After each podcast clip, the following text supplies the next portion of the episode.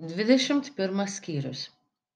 Kai jie prisiartino prie jeruzalės ir atėjo į betfagę prie alyvų kalno jėzus pasiuntė du mokinius liepdamas.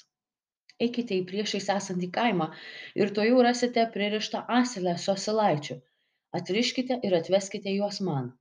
O jeigu kas imtų dėl to teirautis atsakykite jų reikia viešpačiui ir iš karto juos paleis. Tai įvyko kad išsipildytų kas per pranašą buvo pasakyta sakykite Sijono dukrai, štai atkeliauja tavo karalius Romus ir joja ant asilės, lydimas asilaičio, darbinio gyvulio jauniklio.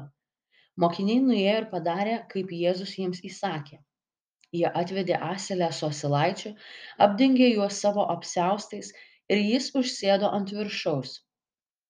Didžiulė minė tiesė drabužius ant kelio, kiti kirto ir klojo ant kelio medžių šakas iš priekio ir iš paskos einančios minios šaukė osana dovydo sūnui palaimintas kuris ateina viešpaties vardu osana aukštybėse.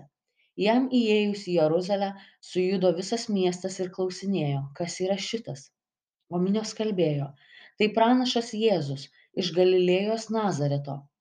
Įėjęs į dievo šventyklą jėzus išvarė visus parduodančius ir perkančius šventykloje išvartė pinigų keitėjų stalus bei karvelių pardavėjų suolus ir tarė jiems parašyta mano namai vadinsis maldos namai o jūs pavertėte juos plėšikų lindyne. Šventykloje prie jo susirinko aklų ir luošų ir jis išgydė juos. Aukštieji kunigai rašto žinovai pamatę stebuklus kuriuos jis padarė ir vaikus šaukiančius šventykloje osana dovydo sūnui įpyko ir sakė jam ar girdi ką jie sako? Jėzus atsiliepė girdžiu. Argi niekada neskaitėte iš vaikų ir žindomų kūdikių lūpų tu paruošei sau tobulą gyrių ir palikęs juos jis išėjo iš miesto į betaniją ir ten apsinakvojo. Rytą grįždamas į miestą jis išalko. Pamatęs pakelėje figmedį priėjo prie jo bet nieko nerado vien tik lapus ir tarė jam tegul per amžius ant tavęs neaugs vaisiai. Ir figmedis kaipmat nudžiūvo tai pamatę mokiniai nustebo ir sakė kaip tas figmedis taip greit nudžiūvo. Jėzus atsakė iš tiesų sakau jums jeigu turėsite tikėjimą ir neabejosite jūs ne tik padarysite taip su figmedžiu bet ir jei pasakysite šitam kalnui pasikelk ir meskis į jūrą taip įvyks ir visa ko tik prašysite maldoje tikėdami gausite. Kai jėzus atėjo į šventyklą ir pradėjo mokyti priėjo prie jo aukštųjų kunigų ir tautos vyresniųjų kurie klausė kokią teisę turi taip daryti? Ir kas tau davė šitą valdžią? Jėzus atsakė aš irgi paklausiu jūs vieno dalyko. Jei man atsakysite ir aš atsakysiu kokia valdžia tai darau.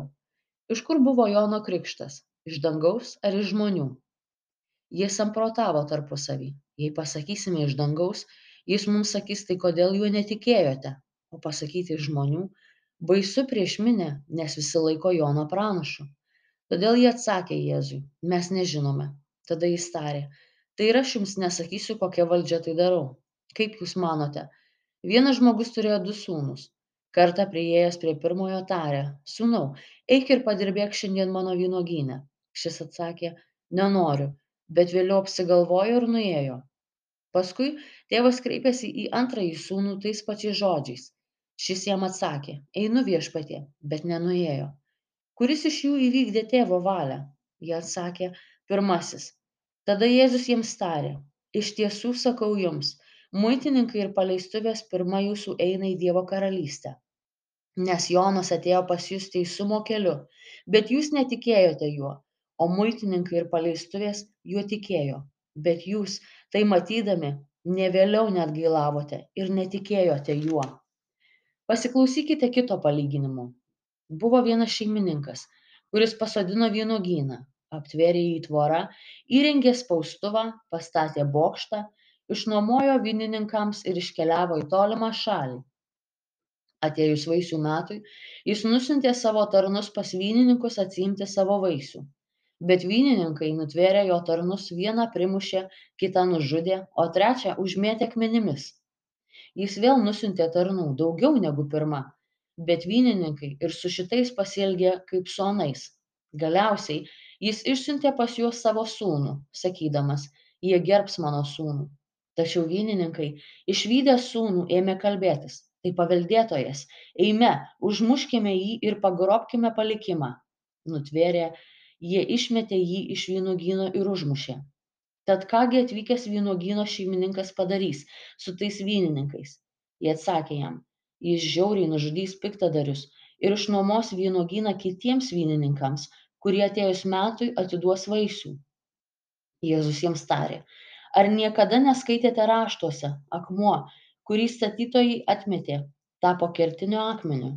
Tai viešpaties padaryta ir nuostabu mūsų akise. Todėl sakau jums, Dievo karalystė bus iš jūsų atimta ir duota tautai, kuri neš jos vaisių.